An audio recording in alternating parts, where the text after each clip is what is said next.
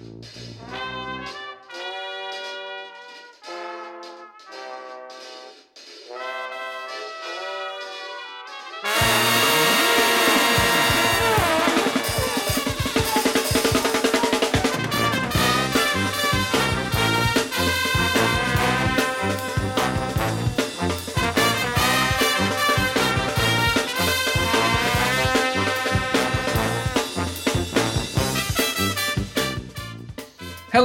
chroeso i drydydd benod y podlediad newydd sbon. Ysbeidiau heilog. Gyda fi, Lee Jones. A fi, Llwyd Owen, lle byddwn ni'n rhoi'r sylw i'r pethau bach sy'n greu gwahaniaeth mawr i ni yn ystod y cyfnod hollol honco hwn. Byddwn ni'n cael cwmni y legend Annie Glass, Maes o Law. Ond cyn hynny... Rhaid dechrau yn y dechrau gyda'r cwestiwn mawr sef sawl diwrnod ers i di gael meltdown, Lee? Wel, llai nag un. Oedd, so, uh, prynawn ma. Ie, yeah, wel, prynawn ddoi. Oedd, um, ie, yeah, tro diwethaf i ni siarad, o'n i'n teimlo'n dda, o'n i'n glynu dyddiau da at ei gilydd, ac o'n i'n teimlo'n invincible. Ond, di, uh, kind of, uh, mynd off track rhywfaint dros yr wythnos diwetha. O, di, dyn ni'n recordio hwn ar nos fercher, ac o'n i nos, uh, wel, di llun a di mawrth yma, mae'n just, oh, just bod yn ofnadw i fi, dwi just bod mewn twll. A, ie, yeah, a, a just, just yn falch, o'n i ddim so, mewn yn y twll heddi. Ie, yeah, a fi hefyd. Um, ond, beth sydd wedi be sy digwydd? Ti'n ti gallu rhoi dy fawd arno fe? Ti'n mo, yn, yn, yr, yn y fath o cyfnod, be, wythnos neu beth bynnag. Ti'n mo, beth sydd wedi newid? Wel, di stopio yfed. Never a good idea. na.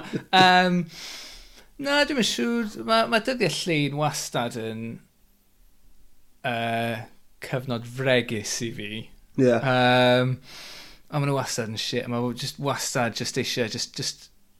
So long as dwi'n cyrraedd diwedd y dydd, dwi wedi llwyddo, a mae hynny'n iawn. Ond oedd hynna di just parhau i, i mewn i dydd mawrth wythnos yma.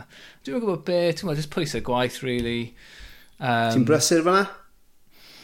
Wel, nid, ti'n gwybod, pob dim yn... Uh, yn, ti'n gwybod, mae'n dibynnu ar, ar perspective, really. Dwi, dwi, dwi, wedi bod yn brysurach a dwi wedi bod yn ffain. Dwi'n mwyn gwybod, just amser o'r flwyddyn, uh, ti'n modd, Ma... So dydd gwyl dewi heb codi dy ysbryd di. Rhoi gwynt yn dy hwyliau. Na ddo, nid lenni. O'n i ddim hyd yn oed yn gallu neud Welsh cakes. Fi wastad yn neud Welsh cakes. Ac o'n i ddim yn gallu neud nhw.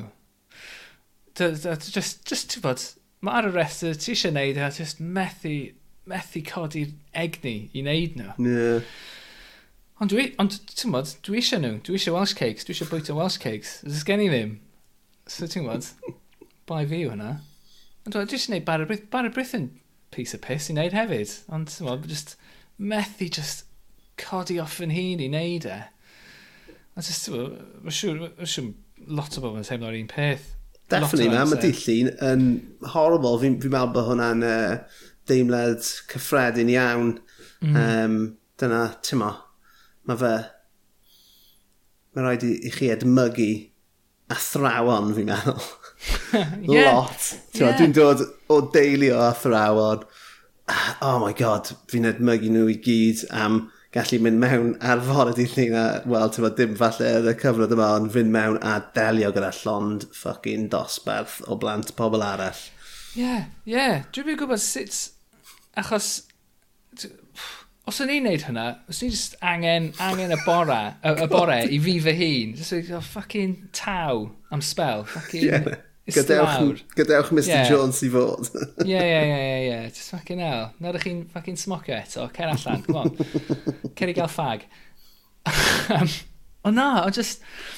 O just, just angen yr amser yna i just adjustio nôl i mewn i'r routine yna ar ôl just, chymod, peidio, peidio meddwl, peidio rhywch pen chi yn y lle yna dros y penwythnos. A wedyn, mae rhaid, mae rhaid just cymryd pethau ar y deg, dwi'n meddwl, ar, ar fore llun. Ond, o ti'n oce okay ond, dros y pen othnos, ddo? Ti'n modd i ran...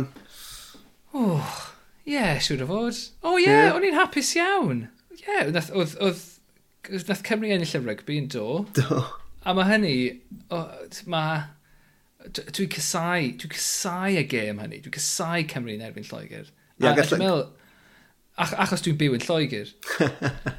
just, just y teimlo. Os o'n i yng Nghymru, Dwi'n meddwl bys, bys ni'n teimlo'r un peth, achos ti'n ti gallu mynd i pub a gwylio fe yng Nghymru, a os ti Cymru'n colli, ffain, ti gyda Cymru eraill, a mae, a ma pob ddim yn ffain. Os ti'n mynd i pub i wylio fe yma, hyd, hyd yn oed ti'n mynd efo ffrindiau, dyn nhw jyst ddim yn deall.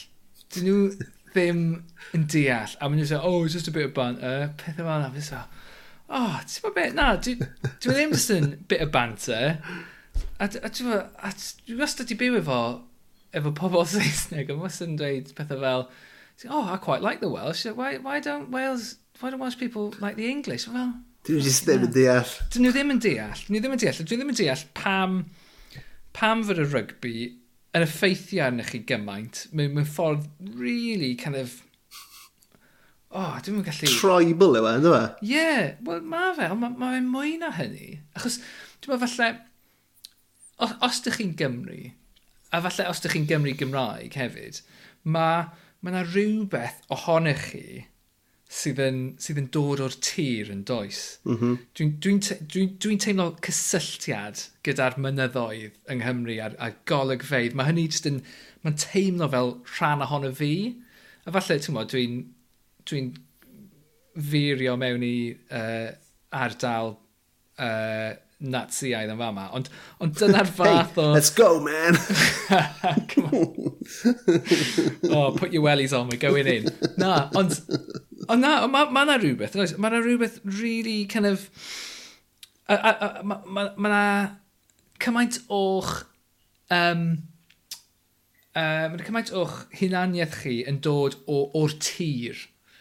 A di hynny ddim really yn... Um, dod o... Wel, Dyn ni ddim really digwydd os ydych chi'n saith. Os ydych chi'n scouser, oce, okay, mae'r ma, ma ddinas yma, mae hynny'n rhan fawr ohonych chi, ond dwi e ddim yn, nid, nid y tir yw hwnna, mae'r ddinas yn 200 mlynedd oed. Di'r di tir ddim, ddim mor hen a hynny, ond ond yng Nghymru mae'r tir, mae'r mynyddoedd yn filiynau o flynyddoedd oed, a mae hynny jyst yn rhan fawr ohonych chi. A ti'n bod, os ti'n mynd i'r pub yn Lloegr i wylio Cymru chwarae rygbi, a mae pobl yn cymryd y pith achos bych chi wedi colli. So, a, a dyna'r thing hefyd, achos yng Nghymru mae ma yna llwyth o fair weather rugby fans, ond yn Lloegr mae fe'n fucking epidemic proportions. mae ma pobl sy'n gwylio rugby yn pubs yn Lloegr, dyn ni ddim yn deall rugby, dyn ni ddim yn deall y reolau, a felly pan mae pobl fel yna yn dweud wrthych chi yn cymryd y piss achos bod wedi colli, mae'n so, oh my god, fucking lladdwch mi. Ti'n gwybod beth sydd angen neud yn dwyt ti? Fucking dechrau ffait, ie. Yeah. Nag yn agos, symud gartref i Gymru. Wow. Mae jobs yn mynd yn golwg, man. jobs yn mynd yn golwg. Gwyd well, name yeah, on e. Gallai gael gair gyda Mr Ceiro. Ie, ti'n nabod Garfon. Garwan, ti'n gwrando? Rwy'n job i fi. Um, Na, dwi'n e ddim yn gwrando. Dwi'n gwybod dwi'n e ddim yn gwrando. Ti di gofyn. Ond mae rhywun yn, ma rhywun yn golwg yn, so ti'n ma, we'll get him. Ah, uh, Wel, beth amdano ti? Sut... Uh, fi, sut fi di cael... fi di cael cwpl o thnosau uh, rhyfeddol, i fod yn onest y ti. A fi'n meddwl bod yeah, hynny'n mynd law yn llaw gyda'r ffaith bod, e, uh, bod fi, bod fi wedi rhoi'r gorau i gyfieithu am ddau fus jyst i ysgrifennu nofel ac i ysgrifennu nofel fel awdur llawn amser. So, dos na ddim Sunday Blues, dos na ddim Monday Blues ar y foment, achos dwi'n neud yn union beth sy'n neud fi'n hapus. Oeddet ti erioed, pan nes ti ddechrau sgwennu dy nofel gynta, oedd y ti erioed wedi ystyried fod hwn yn bosibilrwydd? Wyt ti'n gallu rhoi amser, rhoi, rhoi ymroddiad llawn amser at ysgrifennu? Well, ysgrifennu dyna... beth wyt ti eisiau? Ie, yeah, dyna'r dyna, breuddwyd wrth gwrs. Um, Trwy'r Gymraeg hefyd. Ie, yeah, well... Oedden ni erioed yn bosibilrwydd yn dy ben? Na, I mean, fi di, fi di ysgrifennu un nofel arall fel awdur llawn amser, ond oedd hwnna, y rheswm tu ôl hwnna oedd achos bod fi yn fy ngwely gyda tri um, slipped disc yn fy nghefn yn aros i gael llawdriniaeth. Um, a oedd hwn nôl yn 2000 a ffimp a nes i ysgrifennu fy ail nofel i yn y gwely yn aros am, uh, am lawdriniaeth. So, mm. bach yn wahanol. Wel hwnna, hwnna yw, ti'n bod, hwnna oedd y prize winning novel yeah. doedd. Yeah. So falle hwn yw'r cyfle i ti gyrraedd y brig y sîn yeah. llynyddol yng Nghymru eto. Ie, yeah, gewn ni weld. I, I, I won't hold my breath. Hei, ti'n gwybod be? Be dwi wedi sylwi yw mae'n ma, dilynwyr ni ar Twitter, mm. mae uh, ar, uh, at ysbeidiau heipod, mae'r rhan helaeth o bobl sydd yn dilyn ni yn fenwod o ti ar un oedran a ti, Llwyd. Felly, yeah, ti'n rhyw fath o heartthrob yn y sîn llynyddol. Mae'n ymddangos. Wel, saith. Felly, mae pobl yn darllen... O'n i ddim yn mynd i weid efo hynna, o'n i. mae pobl yn darllen dy nofelau di, a maen nhw'n gweld uh, y sothach o dy is-ymwybod. bod ti'n hapus i roi yn allan yn y gored, yeah. a mae a ma Menwod Cymru a, yn hoffi Gwir yw bod Merched Cymru, Merched Canoloid Cymru yn absolute filth. Pob un o'n nhw. Bloody hell, Llywyd. Wel... Rheswm arall i symud gartref. Nes yma arall i ddechrau eistedd fota. Be ti'n meddwl maen nhw'n neud yn y caravans yna? Bloody hell, wel. So ie, yeah, fi, fi, ti'n meddwl, so ie, yeah, tra bod ti di, achos, ti'n meddwl, ar, y, ar y benod diwetha, o'n i'n, o'n i di cael cwbl o ddyddiau shit, ac o ti, o ti yn, yn teimlo'n dda, a ni di, ti'n meddwl, ni di, ni di, ni di swapio llefydd yn llwyr uh, y tro yma ydyn ni'n gyfrifol am cydbwysedd y bydysawd? Falle bod ni. Although, bydysawd yn y reit fact, right? So, sa'n gwybod os ni'n neud job dda iawn ohoni. yeah. Bach yn ysgeilus. Ai, ai. Oh. Ac um, mae hwnna yn segwe hyfryd oh. mewn i'r... Uh, i, I beth sydd wedi gwneud ti'n hapus yr wythnos yma? Wel, yeah? wel Llwyd, oedd gen i ambell i beth oedd ar y restr i falle siarad am. Dwi'n, nes i ffeindio siocled anhygoel yma, falle na siarad am hwnna rhywbryd eto, achos mae'n fucking amazing. Uh, heddi, oedd hi'n bwrw glaw, o'n i'n edrych mas y ffenest, nes i weld rhywun ar draws y ffordd. Oedden nhw'n dal i cath nhw allan o'r ffenest, allan y skylight yn ei, yn ei lloff nhw i dangos y glaw i'r gath. O hwnna'n amazing. Ond... Um, sorry, jyst i fath o oedi ar, ar hwnna, os nes di, nes di bostio fideo ar Twitter a nes i weld hwnna a fel, fel person sydd wedi cael nifer o gath o dros y blynydde, mae'r ma, ma gath yn gallu mynd allan o'r cap flap os mae eisiau gweld y glaw. Just, just, just dim angen neud unrhyw beth o'r fath. Oedd y gath, oedd y gath just yn edrych mor hapus i weld. It's like, oh yeah, dyma, dyma fy nheid nas. E, oedd e fel, oedd e fel dechrau Lion King pan y pan mae'n codi Simba i fyny i ddangos i bawb. Dyna'r dyna, ffordd oedd yn dal y gath ma allan trwy'r ffenest. Oedd yna'n hygoel. Wyt ti'n meddwl neu falle bod ti'n gwybod taw efo house cat oedd hi? Siwr o fod house cat oedd hi? Siwr o fod, ie, ie. O, so falle. Falle oedd hi byth wedi gweld glaw o'r blaen. Na, na, yn union. Ac oedd hynny, ti'n bod, o'n i'n touched, o'n i'n teimlo, waw, mae hynna'n ma hynna foment, mae'r ddau ohonyn nhw, y dyn a'r gath, maen nhw'n mynd i gofio hynna. Trwy gydol ei oesau nhw. Tiw'r gath. Pan mae fe'n... Pan mae ma, ma dyn mae'n claddu y gath me yn ei argefn, mae fe'n mynd i feddwl yn ôl at y diwrnod yma, a, ac o'n i'n gallu rhannu hynna. Dwi ddim yn gwybod bod fi'n rhannu hynna, ond o'n i yna yn y foment yna. A mae hynny, ti'n bod, mae hynny'n ma hynny gysur i mi. Ond... Siarad am claddu cathod, sorry, jyst cyn mynd i'n cyrraedd eh, beth, beth sy'n bod wneud ti'n hapus. Fi ddim eisiau gwybod faint o, faint o gathod ti wedi claddu yn dy ardd gefn. Uh, Wel, dim, dim o'r un perthyn arnyn nhw, ond uh, llwyth, Be, llwyth, like rai, llwyth y rai yn y stryd.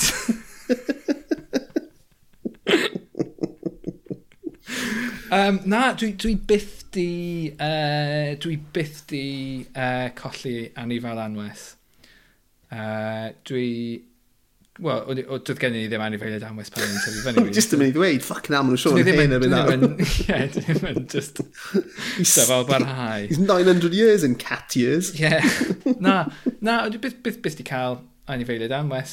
Um, oedd gen i gath gyda, gyda ex, ond ti'n gwybod, nath hi cadw'r gath. Um, The fucking bitch. Siwr, Dwi'n dwi, siwr fod y gath yn hapus. Wel, falle bod y gath yna di marw nawr. Pa mae'r hir yn ôl oedd yna? Pwy flwyddyn i hi? Um, o oh, ie, yeah, rhaid bod y gath yna'n tu a 15 mlynedd oed os ti Mae di marw. Mae rhaid bod wedi marw. Happy days. Ie, yeah, oedd e'n fachgen ac oedd e'n eitha mawr, so rhaid bod wedi marw erbyn nawr. Um, a'r gath sydd gen i nawr, mae fe'n 7 mlynedd oed eleni, mis gorffennaf, save the date, dyn ni cael parsi. Um, na, uh, so mae fe'n ma fe saith, so dwi ddim Dwi'n dwi, dwi, dwi wastad, dwi'n obsessed efo pan mae fe'n mynd i marw. Dwi'n meddwl am, amdano fe marw trwy'r amser. A dwi wastad yn, yn codi'r pwnc gyda fy nghariad i. A dwi hi ddim cweit yn barod. Mae hi, oedd ganddi hi cathod a cwn pan oedd hi'n tyfu fyny. Mae hi wedi colli llwyth. Dwi, dwi, dwi hi ddim yn gallu cyfrif nifer o anifeiliaid anwes mae hi wedi colli trwy bywyd hi. Ond, ond dwi'n obsessed a, a dwi hi ddim eisiau confrontio y ffaith bod yn cath ni'n mynd i marw rhyw ddiwrnod. So, Ond dwi, dwi eisiau, dwi eisiau stuffio'r gath. Ah. Ie, yeah, mae ma, ma hwnna'n rhywbeth eitha trendy i wneud, ydw i? E? I mean, ti'n dod o dy hip, mm. hipster cred ti fan hyn, ond ie, yeah, mae ma taxidermy yn rhywbeth mae ma nhw'n yeah. ma nhw hoffi wneud, ydyn nhw? E? Ond ddim yn siŵr am wneud hynna efo anifeiliad anweth. Mae hwnna'n step gormod. Ond, ond, y peth, y peth gyda hynny yw, os, os dwi'n wneud hynny, bydd gen i'r cyfle i roi mwythau i bol fy nghath am y tro cyntaf. Na. So bys hwnna'n, ti'n bod, am unrhyw beth. Wel, falle mae'n rhaid fi just aros iddo fe marw cyn i fi cael touched y, y, y, yr ardal mwyaf soft. Ie. yeah. Ie, yeah, dyw bechgyn ddim yn hoffi chi yn, yn cyffwrdd nhw fyna. Oedd Moses fy nghath i, mm. oedd e'n fechgyn mawr hefyd. Ti'n teimlo e fel... gael chi'n agos at ei fola fe mae ma fol yng nghath un flewog tu hwnt a mae'n teimlo, mae fe fel treat. Un, mae ma fe'n treat os ti'n cael cyffwrdd i fol, a dau, os ti'n ffeindio tethyn yn ei flew, ti'n teimlo fel, wow, mae hwnna, mae hwnna, mae hwnna wyth, so ti'n wneud i ffeindio un siŵr o fod, ond mae fe'n teimlo fel... Os ti'n edrych yn digon caled. Ie, yeah, mae fe'n teimlo fel absolute treat pan ti'n ffeindio un, yng nghanol y flew di, di derfyn yna. Ond anyway, be ni eisiau dweud, oedd y peth yr ysbeidio heilog yma, dyna pam dyn ni yma, peth bach sydd wedi um, uh, cipio fy nychymig i dros, y, dros yr wythnos y diwetha. Um, mae, pawb, mae pawb yn hoffi dydd Gwener llwyd. Mae hynny, mm. twod, mae pawb yn hoffi dydd Gwener, ond beth am y blaned Gwener? Big fan. So, o na, Mars fan. Bars oedd yna, sorry. Wel, dyna ni, achos nath nhw glanio, nath nhw glanio Mars Rover newydd um, cwpl o thnosau nhw. Mae pawb, mae pawb jyst yn mynd yn wyllt am Mars, ond achos dwi'n East London hipster, dwi'n fan o gwaith cynnar uh, Y bydysawd. Y bydysawd. um, ag, o'n i, so, ti'n dech, dechrau gyda, gyda mawrth, oh yeah, fine, achos hwnna'n yn newyddion. A dwi jyst i disgyn lawr, lawr twll ma, a mae twll reit dda. Um, uh, yn, wel, e, oedd y pen blwydd di digwydd ar, uh, yn ddiweddar, a dydd gwyl Dewi, 1981, nath y Soviets glanio, um, glanio rhywbeth ar, ar wyneb y blaned Gwener. A mae hyn yn rhywbeth mor rhyfeddol, achos mae'r tymheredd ar yr arwyneb yn dros 460 gradd Celsius. Mae'r mae pwysedd yn, yn yr atmosffer uh, dros, dros 1,300 um, PSI per square inch. Um, mae ma hynny yr un peth. Ti'n gwybod beth? Ag... Jyst fi dysgu rhywbeth. Fyna. A, PSI. A per square inch. Yeah, pounds... Beth yn gwybod hynny? So, beth yn clywed hynna? Yeah, pounds, pounds per square inch, yn diwe? Well, yeah, I'm going with pounds that. Pounds of pressure per square inch. Ond, Amazing. Um, yeah, so, so 1350 PSI, a mae hynny yr un pwysau a, chi, a dych chi'n teimlo os dych chi o dan y dŵr tua 3,000 o droedfedd. So mae ma, ma hynny'n agos iawn at... A mae hwnna ar yr arwyneb? Ie, ie, ie. Fucking so, hell. mae hynny yn um, agos iawn at uchder yr wyddfa. So, dychmygwch boddi'r wyddfa yn y môr, mynd reit at y gweilod, a dyna'r fath bwysau sydd just, just wrth bodoli ar, um, ar wyneb Gwener. Wow. A, a mae'r tymheredd dros 460 Celsius. 96% um, o'r atmosffer yn carbon dioxide. Dydych chi ddim yn gallu gweld... Um, dydych chi ddim yn gallu gweld arwyneb y blaned o, o'r ddeiar neu, neu o'r gofod achos mae'n ma wedi cael ei cyfro gan cymylau o sulfuric acid. Fucking hell, ie. Yeah. Felly mae'r ma uh, awyrgylch yma, mae'r ma, ma, blaned ei hun yn hollol hostile territory. A'r ffaith bod nhw wedi um, glanio y probe yma ar yr arwyneb yn, yn 1981 hyd yn oed. Mae hwnna, ma hynny'n agosach at yr ail ryfel byd nag yw i at y ni. Mae hynna yn fucking ages yn ôl. So, gwerthu fi nawr, na gyd, wnaethon nhw just dropo rhywbeth arno i arwyneb y blaned, yn hytrach mm -hmm. na, I mean, erbyn be ni'n gweld ar, ar, ar y blaned mawrth um, yn ddiweddar yw, ti'n mo, uh, rovers, sef um, cyfarpar a, a sy'n gallu symud o gwmpas a cymryd lluniau o wahanol lefydd, ond dim dyna beth sydd ar, uh, just fel, just fel unit bach sydd jyst yeah. cael ei parasiwtio lawr a mynd yna. Achos dyn, dyn ni ddim yn gallu cael rhywbeth sy'n symud yno achos y tymheredd. Yeah. Ac os, chymod, dyn ni ddim yn gallu, um, dyn ni ddim yn gallu uh, controlio y peth. Control. O, oh, dyna dy gair. Tro diwethaf, Hugh Stevens yn gallu cofio'r gair Cymraeg am control. um, Ond ie, yeah, dych chi ddim yn gallu controlio, achos, achos mae'n rhaid i chi cael y perianwaith a chymod, circuit boards a pob dim, yeah. a, a danes yn symud, dych chi ddim yn gallu, ie, yeah, yn union. So yeah. mae rhaid, so mae peth yma, mae jyst mewn casing yma sydd wedi cael ei wneud i just wrth sefyll hynny, oedden nhw wedi planio i'r beth, oedden nhw wedi cynllunio i'r peth um, goroesi am hanner awr yn unig cyn i no pob dim mynd i chwarae. Ond nath, nath i bara am tua awr neu ddwy a nhw wedi gwneud yr arbrofion i gyd. Ac un o'r pethau hefyd oedd ganddyn nhw, um, so, so mae yna lluniau o'r arwyneb o 1981. Um, Mae'r lluniau greiddiol yn, maen nhw bach yn dodgy, ond mae yna dyn yma, dwi'n meddwl mae fe yn America, mae fe wedi cymryd y data amrwyd o'r thing. So, so obviously, mae'r peth mae'n glanio, mae yna sensors i gyd, mae'n neud yr arbrofion i gyd, mae'n mae cymryd llwyth o data i mewn. Mae yna camerau, a mae'n...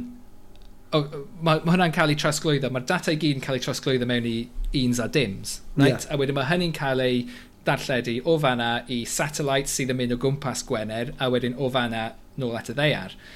A mae, mae fe wedi cymryd uh, y data amryd i gyd, yr uns a'r zeros, a wedi prosesu hynny trwy um, y safonau cyfredol heddi, a mae fe wedi gallu creu um, y collages yma, mae wedi gallu rhoi lluniau at ei gilydd a creu basically What? HD llun o'r arwyneb ar Gwener a mae'n absolutely insane. So be weles i heddiw? Nes di anfon dolen ato i heddiw? Oedd yn... a, a, a, efo hwnna, ie. Yeah. Mae hwnna, hwnna yw sain o'r arwyneb. Achos oedd yna microphone ynddo fe. Achos oedd nhw... Yr er, er, er, er arbraf oedd nhw eisiau wneud, oedd nhw eisiau recordio sŵn y gwynt fel bod nhw'n gallu mesur cyflymder y gwynt. Mae'n insane. Felly, Ond... dolen nes i anfon i ti, oedd, oedd y sain o'r arwyneb. Mae'n rhyfeddol achos ti jyst wedi disgrifio planed hostile tu hwnt. Ond oedd y sain oedd yn dod o'r arwyneb yn swnio fel sisial y môr. Oedd, ie, yeah, mae'n hyfryd. A wedyn, be, be ti'n clywed yw, mae yna fel, ma fel ddau kind of pop bach. Yeah. Hwna, oedd y lens caps o'r camerau nah, okay. yn ffrwydro i ffwn. a wedyn, oh, yeah, ydych chi'n clywed... Ma A wedyn chi'n clywed y drilio, dyna nhw'n drilio i mewn i'r arwyneb, a cymryd sample i mewn, a wedyn mae gennym nhw fel wow. x-rays, radiographs a beth bynnag yn, yn analysio hwnna, a wedyn anfon y data hynna yn ôl. Mae'r ma, ma, ma er holl... Uh, just, y ffaith bod nhw wedi gallu gwneud hynny a mewn hinsawdd mor trafferthus, yeah. sy'n gallu dweud hynny, ac y ffaith bod nhw wedi gwneud hynna yn 1981 Um, y Soviets oedd wedi gwneud hwn gyda llaw. Um, mae fe'n ma fe absolutely insane. Just, just y ffaith bod hynna wedi digwydd. Achos mae pobl, pobl wastad yn sôn am pa mor wirthiol yw i fod nhw wedi glanio uh, pobl ar y lleiad y 1969. Mae hynny yn wirthiol. Mae, mae hyn, dwi'n meddwl, just yn llwyth yn bellach na hynny o ran, o ran cyrheiddiad. Ie, yeah, mae fe'n werth werth, uh, o, yn enwedig o, o bod yr holl ffeithiau, ystadegau a'r ffigurau ti jyst wedi cyflwyno, o, well, o bod um, hynny, mae ma fe'n neud y footage nes di anfon ato fi yn fwy rhyfeddol. Ie, yeah, well, well, ti'n cyd-destun di pob dim, yn diwy. Um, ond, ond ti'n meddwl, mae fel, ma fe fel rhyw... Ti'n edrych ar y lluniau, a mae fe fel rhywbeth o sci-fi, yn diwy. E? Ynddi. Mae'n edrych... Ma edrych ti wedi gweld... Um, yr uh, Blade Runner newydd, mm -hmm. ti'n gwybod, mae'n mynd mewn i'r anialwch, yeah. a mae'r cymylau melyn ma. Mae'n yeah. ma fel hwnna, ynddo e? Ynddi. Um, ag, uh, mae'n edrych fel sci-fi, a mae'n ma r, ma r gwyddoniaeth yn sci-fi hefyd. Mae fe fel rhyw rybydd achos um, be mae nhw'n, be mae lot o wyddonwyr yn honni yw tua 4 biliwn o flynyddoedd yn ôl oedd atmosffer Gwener yn debyg i un y ddeiar. Na. Ac mae yna wedi bod greenhouse effect just, sydd wedi just uh, mynd ymlaen a mynd ymlaen a just tyfu a tyfu a tyfu ac mae wedi mynd i'r pwynt lle mae ma, ma nhw'n credu fod na wedi bod dŵr arno fe ar un pryd ond achos achos y greenhouse effect, mae'r dŵr yna i gyd wedi anweddu a gadael yr atmosffer yn llwyr, achos mae fe mor boeth yno. Ac, um, a ie, yeah, mae jyst fel rhyw fath o rhybydd i ni. Mae'n briliant. Absolutely briliant. So, um, a ie, yeah, a, a, bod, a, a'r peth, peth gorau am hwn, ti'n gwybod, dyma fi'n sôn am... Uh, uh, am, am mawrth a pob dim a fi'n bod yn hipster yn dweud, wel, dwi'n, mae'n ma well gen i gwaith, gwaith gynharach y, y gwyddonwyr. Mae gen nhw'r ambient soundtrack hefyd,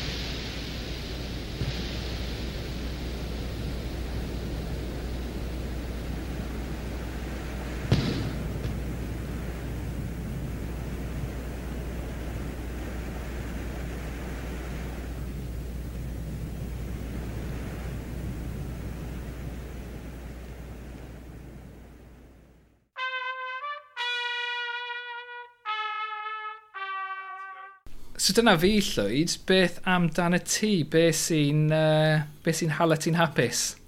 OK, so dwi yn... Um, Wel, dwi'n caru cymryd ffotograffau fy hunan.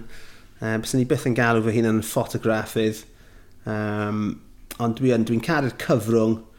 Dwi'n caru'r uh, y ffaith bod pawb yn cario camera gyda nhw yn, uh, yn eu pocedi erbyn hyn. Mae ges i ffôn newydd cwpl o fusoedd yn ôl a mae'r camera arno fe mor dda a mae'n golygu bod dim roed i fi byth cymryd camera uh, ar wahân allan gyda fi eto. Um, Sgynna er... ni'r un ffôn, dwi'n meddwl? Bys iPhone 11? O, oh, na, goes, na. Gen i Google Pixel. Ond ges, ges, i, ges i hwn cwpl o fus oedden nhw, a mae di newid fy mywyd. O, oh, mae'r lluniau ma fi'n gallu cymryd. Yeah, mae'n briliant. So, so os oes unrhyw un eisiau mynd i weld fy, fy, fy nghynyrch, mae fe ar yn Twitter feed i. Dwi yn postio lot achos dwi'n cerdded lot gyda'r ci. Um, a dwi yn, mae yna ma gyfres o'r enw am dro dwi wedi bod yn gwneud ys misoedd nawr, lle dwi jyst yn cymryd lluniau eitha random o pethau fi'n gweld allan o gwmpas yr ardal yma. Um, ond o ran ffotograffwyr, a dwi'n dilyn lot o ffotograffwyr, ar Twitter. Dwi ddim, dwi ddim ar Instagram, and, uh, a fi'n gwybod bod hwnna'n gyfrwng mwy sort of arbenigol ar gyfer lluniau, mm. ond ar Twitter, mae yna ddau ffotograffydd sy'n dra gwahanol o ran arddull, ond sydd wastad uh, yn neud i fi stopio oedi ag edrych ar be maen nhw'n cyflwyno i'r byd a maen nhw'n cyflwyno lot i'r byd yn, yn, yn ddyddiol um, heb os. Um, y ddau yw um, lluniau Rich, uh, boer yn Richard Jones o ardal Cynarfon. Nawr, dwi ddim yn gwybod dim am Rich um, ar wahân yw enw fe a'r ffaith byddai'n cymryd lluniau anhygoel o hyfryd.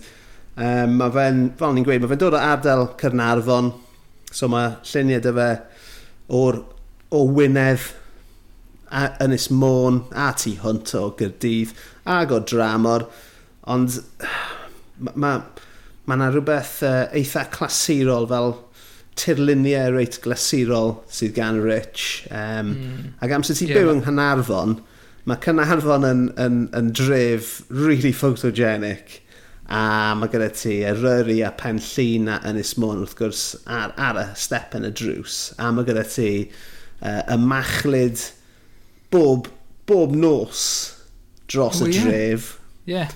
Um, achos bod ni'n gwynebu'r ffordd iawn. Ie. Yeah. So dyna'r ma... peth, ie. Yeah. Dyna'r peth oedd yn, uh, ti'n modd, y peth o'n i'n cymryd o'i luniau fe yw gweld llun anhygoel o, o Lynn Peris, yn oh, enghraifft. God, yeah. a, a just, ti'n gwybod, waw, dwi'n gallu dychmygu y ffaith wedi wedi gallu bod yna yn, yn union y fan a'r lle pan oedd y golau just yn, just yn iawn. Ond fel, na, os ti'n byw yn agos, ti'n mynd i fod yna rhyw yeah. bryd pan mae'n edrych yn amazing, yeah. ti? Mae'n edrych yn yeah. amazing beth bynnag, ond gan fod ti yn yr ardal, ti'n mynd, ti mynd i fod yna pan mae fe, ti'n bod, 10 out of 10 yn hytrach na 9 out of 10. Ie, yeah. yeah, mae'r amser i ti'n Dwi'n dwi, cymryd bod Rich yn ffotograffydd proffesiynol. Um, dwi ddim yn gwybod os bod e'n neud bywoliaeth off, ti'n mo, jyst ei, ei waith creadigol e, mae fe'n dangos i'r byd, neu os mae fe'n, ti'n mo, I don't know, ffotograffydd priodasau neu beth bynnag, ond, ond, ond, ond ma, ma, ma, rhan o fod yn fath o ffotograffydd tirluniau yw mynd allan amser mae'r ma, ma, ma, um, ma gol yn iawn. Mm. So, er enghraifft, ti'n mo, ti'n gallu mynd i llyn Peris, neu Llyn Padar, neu beth bynnag, um, yeah, Llyn, Llyn Padar yn Llan Beris, ynddo fe. Ti'n lli mynd yna'n ganol dydd, ond mae'n edrych yn hyfryd, ond mae'r ma ma ma hael yn rhy uchel. So, yeah, yeah. cerna ar doriad gwawr, neu, ti'n mo, ar diwedd y yeah, dydd, yeah. a mae'r ma golau yn hudol, a mae lluniau rich o Llyn Padar oh, yn arall fyddol. Maen nhw'n yeah. môr hyfryd. Oh, um, Nant, so, Nant Peris, Llyn Padan, dyna ni. Ie, yeah, well. So, well, sure. yeah, falle. so, it's all fucking gog to me, mate. no, sorry, Ond, gogs. Yeah, so dwi'n dwi absolutely caru waith this. So, os nag ych chi'n dilyn Richard Jones yw e, um, proli'n perthyn i ti o belli. uh, ond ar Twitter, at lluniau Rich yw e, a fy, fy hoff leini ganddo fe um, yw llun nath e bosio'n reit ddiweddar a fel fi wedi gweud, fi'n caru ei dirluniau fe, ond fy hoff lun i yw llun mae fe wedi gael yw'n stryd twll yn y wal am hanner nos, mm. sef un o strydoedd cefn e, uh, Cernarfon gyda'r fath o uh, wal y dref um, a hen ddyn yn cerdded lawr ganol y fath o'r cobbled street yma gyda cefn crwm yn ganol nos a mae'r golau jyst yn berffaith Mae'n edrych fel rhywbeth o, o ffilm noir. Ynddi. Ond gyda castell canol oesol. Ie.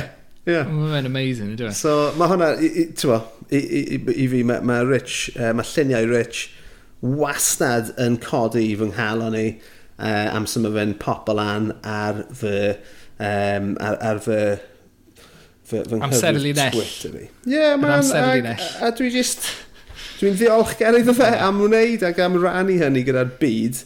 Um, yn, yn ail, um, mae yna... Um, mae yna ffotograffydd slash arluniwr slash archifydd o'r enw John Portney. Um, Dwi'n credu, eto, o'n i methu, ond mae yna ma, ma na lot o, ma na lot o, um, o wybodaeth am luniau John ar y we, ond does dim lot o wybodaeth am John ei hun. So, y, y, y pethau gosa o'n i'n gallu clywed, uh, o'n i'n gallu ffeindio allan dan y fe, bod ei tyfu lan yn rural Warwickshire, ond mae fe bellach yn byw yng Nghyrdydd. Ond mae, on mae, mae, mae bys i'n gweud bod ei brif angerdd e, uh, o ran uh, ffotograffi mae fe'n cymryd yn, yn, yn, yn ymwneud mwy gyda cymoedd De Cymru. So mae gyda fe gyfresu am um, um, beth ti'n galw, coal tips, hen coal tips y de. Mm. A mae fe'n, mae fe wedi bod yn, yn, yn, yn, yn beth ti'n galw, yn arbrofi yn ddiweddar gyda drones a, a anfon drones yeah. dros yr hen byllau glo yma. Yeah. Oh, mae'r lluniau just yn amazing. Um, ond hefyd, so, so ti'n ma, mae hwnna'n rhywbeth eto yn ymwneud gyda'r tirlun, ond hefyd y cysylltiad rhwng y tirlun a'r boblogaeth a'r pethau hmm. coll mm. yng Nghymwyth De Cymru. Ond mae, mae John Portney hefyd yn, yn, yn, yn cymryd portreadau. Y portreadau, mae ma, ma oh. nhw just yn amazing. Mae nhw just yn ar lefel arall. A dyna'r peth sydd yn sefyll allan am ei waith dwi'n meddwl yw mae fe just yn... Mae fe'n gallu cipio synwyr o rywun Mm. Chos, achos mae pa, ma pawb yn gallu tynnu llun o berson, ond mae'n ma ddawn wahanol i allu ddal enaid rhywun o fewn y llun hynny. A mae fe'n feistr o ran Yndi. y, y gallu o wneud hynny yn diwedd. Yndi, ond mae fe'n ma fe, ma fe, ma fe um, ffotograffydd stryd A fi'n mm. meddwl bod hwnna'n dod o hynny, um, mae fe'n, mae fe'n, mae ma luniau fe, mae yna rhyw um, synwyr o fath o urgency amdanyn nhw, as in, dwi e ddim wedi gofyn i rhywun i, i poso. Dwi e ddim, ti'n ma, e, does na ddim, o, na gymryd deg llun fan hyn i gael yr un iawn. Mae yeah, fe'n yeah, teimlo yeah. i fi fel bod e yn cymryd yr un llun yna, mae ma fe'n gallu hoelio um, mm enaid a cymeriad person gyda'r un snap. I mean, falle bod fi'n hollol wrong. Mewn byd digidol, mae hwnna probably'n bullshit llwyr, let's face it. Dyna'r dyna, dyna synwyr dwi'n cael o'i waith e. Ie, yeah, ti'n edrych ar ei luniau, ti'n meddwl, right, mae fe di mynd allan gyda'i gamra, mae'n cerdded rown Treforest, mm -hmm. a mae wedi cymryd llun, a mae wedi cario ymlaen cerdded, a mae wedi cymryd llun, a mae wedi cario ymlaen cerdded. Dyna'r synwyr ti'n cael, yeah. mae fe'n mae mynd o gwmpas, just, dwi'n mynd i dogfennu beth sy'n digwydd yn y fan yma, ar y diwrnod yma. Mae'n amazing. A be, be, be mae fe'n um, atgoffa fi o, nath David Bailey wneud cyfres um, yn uh, Trehafod, yn um, o gwmpas Porth. O, oh, ie, yeah, yeah, wel, ie, yeah, ie, yeah, ie. Yeah. A mae'r lluniau hynny, nes i ddangos y lluniau hynny i, i fy mam, achos mae hi'n dod o, o Porth, o Llwyn Celyn, o, o Lwyn Celyn. Um, a wedi'n dweud wrthi, ti'n cofio fel yma? Ie, yeah, waw, mae hyn, ti'n modd, o'n i ddim yn gwybod o David Bailey wedi dod me, i dynnu lluniau yn, y, yn y 70au, ti'n gwybod? Ond, ag, ag, ond, on, mae fe'n ma fe dal y synwyr yma o, o le yn diwe. Yeah. Ond mae yna gysylltiad rhwng y gyfres yna gan David Bailey a John Portney, achos mae, os e, ewch chi arno yw, eto arno yw, um, yw, yw fath o gyfrif Twitter e, um, mae yna luniau, neu athau, e yn ôl at luniau David Bailey, a a, a cymryd um, lluniau unigol a wedyn mynd i ffeindio'r bobl oedd yn y lluniau greiddiol yna heddiw a rhoi nhw nôl yn yr un man. Mm. A mae yna gwpl o, o, o, o luniau o fath o plentyn um, yn edrych mo, ar y stryd gyda'r um, ffatrioedd yn y yeah. cefndir a wedyn ochr yn ochr gyda hynny. Does. A? Mae yna'r un yna mae di wneud yng Nghlynebwy, dwi'n meddwl. Ie. Yeah. Ie, yeah. mae'n ma ma un gyda... Mae'n enwog iawn yng Nghlynebwy, oes. does. Merch gyda pram, a wedyn mae'n yeah. bachgen hefyd, a mae wedi ffeindio'r bobl yna, um, a rhoi nhw yn yr un man, ond fel oedolion. So mae'r cysylltiad yna gyda'r gorffennol, a, a, a mae yna... Um, o'n i'n siarad am teimlad yna o nostalgia, am so o'n i'n siarad am mm. cerddoriaeth Kerry Lee Owens ar y benod diwetha, a mae'r un peth yn wir am, am waith John... Portney, mm. y ffotograffydd, mae yna rhywbeth nostalgic iawn. A ti'n falle bod hwnna'n ymwneud, mae fe yn defnyddio di diagwyn mm. um, uh, mo, uh, yn aml. A wrth gwrs mae ma delwedd y di a gwyn yn, yn nostalgic cyn cychwyn. Yeah. Ond, uh, ond mae, mae waith... Uh, Mae'n ma, ma, ma teimlo fel throwback, neu falle ta bod hwnna jyst yn adlywyrchu siwt le yw'r cymoedd ty beth? Well, Dwi ddim yn gwybod. Wel, ie. Yeah. Dyna ni. Dyna'n union y teimlad yn un cael, achos ti'n gwybod, um, mae fy rieni i o'r, or rondde, so o'n i'n treulio lot o amser yna pan o'n i'n fach. A, a dyna, dyna teimlad, mae ma fe'n... Ti'n edrych ar y lluniau yma, a maen nhw'n lluniau gyfoesol, ond mae teimlad dwi'n gweld yn y lluniau yw teimlad o'n i'n cael pan o'n i yno, pan o'n i'n fach. Yeah. Pan, oedd, pan oedd tad fy mam yn cymryd fi am rawdi i'r pubs rown porth. Dyna'r teimlad, y bobl, y llefydd, maen nhw'n teimlo'r union yr un peth. Ond ers i fi fynd nôl, trwy dweitha fi fod yn y cymoedd, dwy flynedd yn ôl, dwi ddim yn teimlo'r un fath pan i ti yno. Ond mae'r lluniau yma, o, o'r diwrnod presennol, maen nhw'n teimlo fel oedd hi'n teimlo yeah. rhywsut. Mae yna ma just rhyw, rhyw fath o hyd a lledrith yn digwydd. Dyna'r dyna, nice. dyna ddawn yn diwedd, ti'n gwybod? Oes, nice. heb os. A o'n i, ti'n os ych chi'n mynd ar y we, mae yna lot fawr o'i luniau fe wedi cael sylw yn y wasg fel Wales Online a Wales Arts Review a llyfrau. Mae yna hefyd um, cwpl o fideos ohono fe a stwff mae wedi wneud yn siarad am waith pobl arall. So mae wedi wneud dau um, neu dwy raglen ddogfen. Um, neu, neu um, un o'r enw Cardiff before Cardiff. Neu sa'n sa, siŵr sa, rhaglen ddogfen oedd yn neu um, arddyn gosfa fi'n meddwl. Lle oedd e'n defnyddio um, ffotograffau um, boi, uh, Keith Robertson o'r 70 a'r 80au um, a cyflwyno um, Caerdydd cyn y newid, newidiadau i gyd. So mae, so ma John Portney hefyd yn, yn, yn rhywbeth o giradur um, ffotograffol hefyd. A ar ben hynny, mae ma, ma fe hefyd, mae yna gyfres o'r enw Forgotten Images of the Va of Valley Life, sydd jyst yn anhygoel. A oedd hwnna'n um, yn seiliedig ar, um, fi'n meddwl, 18 18,000 o ddelweddau neu 180,000 o ddelweddau nath gael ei adael uh, e, fel etifedd i lyfrgell Treorci gan um, ffotograffydd priodasau o'r enw David Thickens. Oedd yn gweithio yn y 50au a'r 60au ond tu allan i'r priodasau um, oedd y boi mae David Thickens yn cymryd e, uh, lluniau o tafarnau a clybiau lleol. A mae ma, ma, ma, ma, ma, ma, ma gasgliadau ei all catalog yn cynnwys um, uh, Tom Jones, loads o bands a artistiaid yn dod, ond on hefyd Enoch Powell am sydd dath e i, uh, i refri yn y cymoedd hefyd nôl yn y 50au. So mae ma just... Um, ma, ma fen... Mae'n ma dda, ma dda fod y lluniau yna'n bodoli achos pan o'n i tyfu fyny oedd... Um, uh, oedd mam, mam fy, fy nhad wastad yn dweud, oh, we used to see Tom Jones in the club, you know, he wasn't Tom Jones back then, no, he was Tom Woodward. yeah. Felly mae dda, ma dda fyna, ti'n bod, tystiolaeth o hynny. Yeah. Tom Jones ond, down the club, like.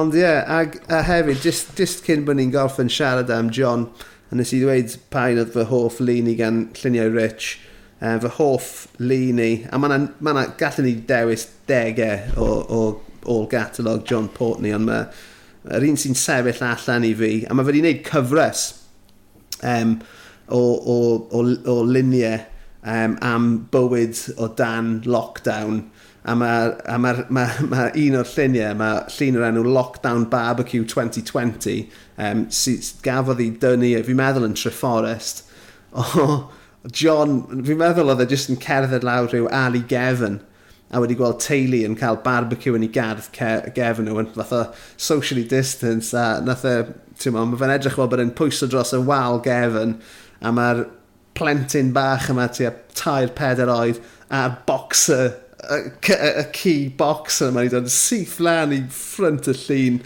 A ba, um, mae oh. ma, na fwd neu baw ar Oes, wyneb y bachgen. Neu falle siocled, ie, yeah, falle yeah. hufen iach, so ddim dwym. Ond a mae walled yn ah. edrych fel nith neu rhywbeth. Mae'r ma, ma, ma llun yma yn rhagorol. I mean, bys ni'n bys ni'n prynu yna ag yn rhoi ar fy wal. Ie. Mae'n wych a hynny. Yeah, Ond ie, yeah, os ydych chi eisiau bach o just rhywbeth i godi eich canol chi, mae gwaith John Portney a lluniau Rich yn werth ei gweld. Wel, mae'n teimlo fel dyn ni wedi bod yn eitha dyfrifol llwyd Dyn ni yma yn uh, crafu ein gena ni. O, oh, ie. Yeah. Hmm. Yeah. Wel, gobeithio, Um, a mae yna gysylltiad, actually, gyda ein gwestai arbennig ni bydd gyda ni mewn munud, um, oh. yr anfarwol Annie Glass, achos fi, fi, fi, bydd roi'r cadarnhau hyn gyda Annie, ond fi bron siwt o John Portney gymerodd y lluniau sydd ar glawr Mirror S, ei album gwych hi. Fi, fi bron siwr o hynny. Ie, yeah, dwi, dwi 99% siŵr o hynny. Yeah. Dyn ni mor, mor llifyn yr wythnos yma, Llywyd. Mae segways yma. A dyn ni heb hyd yn oed planio hwn. Mae hwn jyst i no. digwydd yn naturiol gan fy ni well, just yn taro, taro ein, uh, well, hitting our stride. Be di yna yeah. Gymraeg? Be di'r idiom Gymraeg yn hynny? Come on, cyfieitha. Um, Na roi pimp i ti. Um, llifo fel afon. O, oh, dyma ni, dyn ni'n llifo fel afon. Mae hwnna just mor basic. Oes y plentyn dosbarth derbyn yn gallu... Wel, tîm effi. Iawn, come on. Well ni siarad efo ni.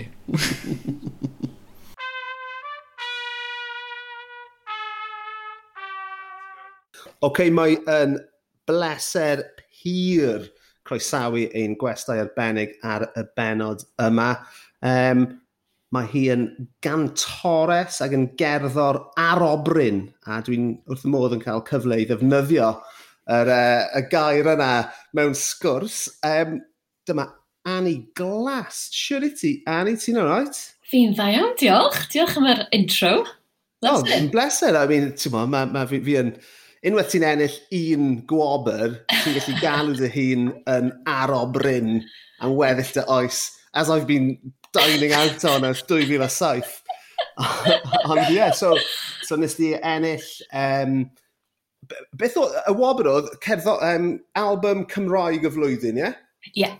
A am dy album cyntaf di fel artist unigol, I guess, ie? Yeah? Am fel yep. solo artist. A S, sy'n absolute peach o album.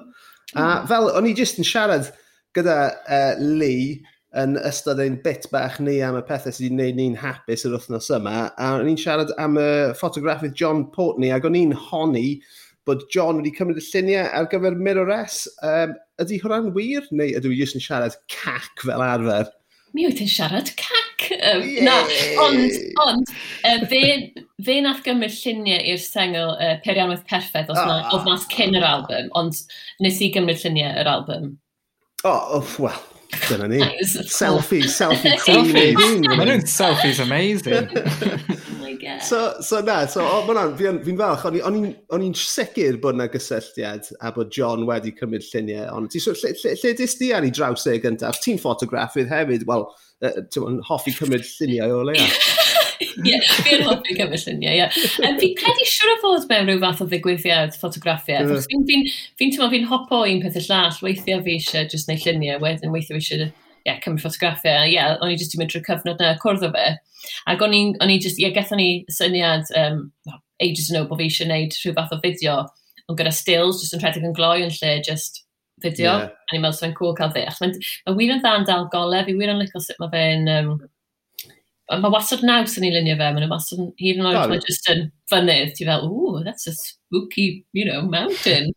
yeah, ca absolutely caru weithiau, e, ond fel, fel nath Lee pwyntio allan i fi, um, llun o Spike Milligan sydd gyda fe fel avatar yn Twitter, Ond o'n i wastad yn meddwl, just llun o John o'n e.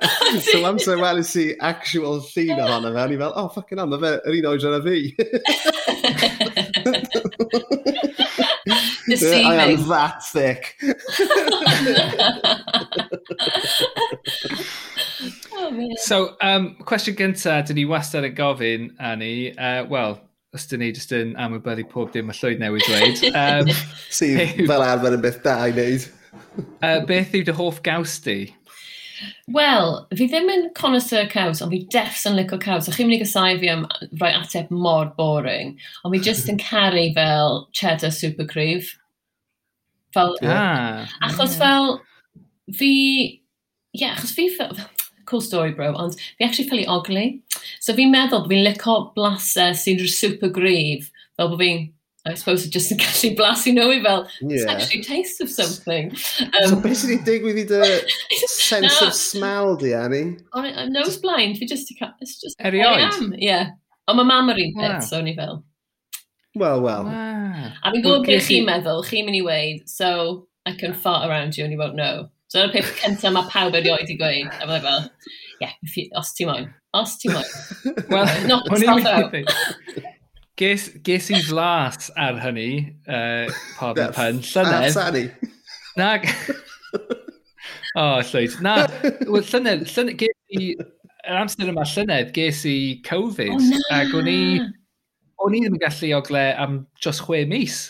Na, chwer mis o fe! Wow! Wel, ti'n synnu, ond ti wedi byw holl gydol dy oes di. Ie!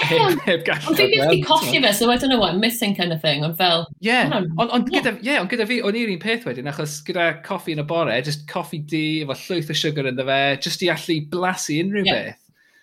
Fi'n deall. Just, mae'n weird. Fi'n deall. Yeah. So, Annie, nôl at y caws. Beth i ti, ti'n mo, siwth i ti'n bwyta fe? Ti'n bwyta fe fel toasties neu... Neu, neu just, just like yn syth o'r fridge, just muncho ar, ar y bloc. Dwi'n hwnna, ond be fi'n be fi wir yn licio, mae hwn yn really gross, a fi'n dim ots fi, faint o bobl sy'n mynd i gweld fi'n weird ar ôl hyn, ond fy hoff me brechdan yw brechdan caws gyda salad cream.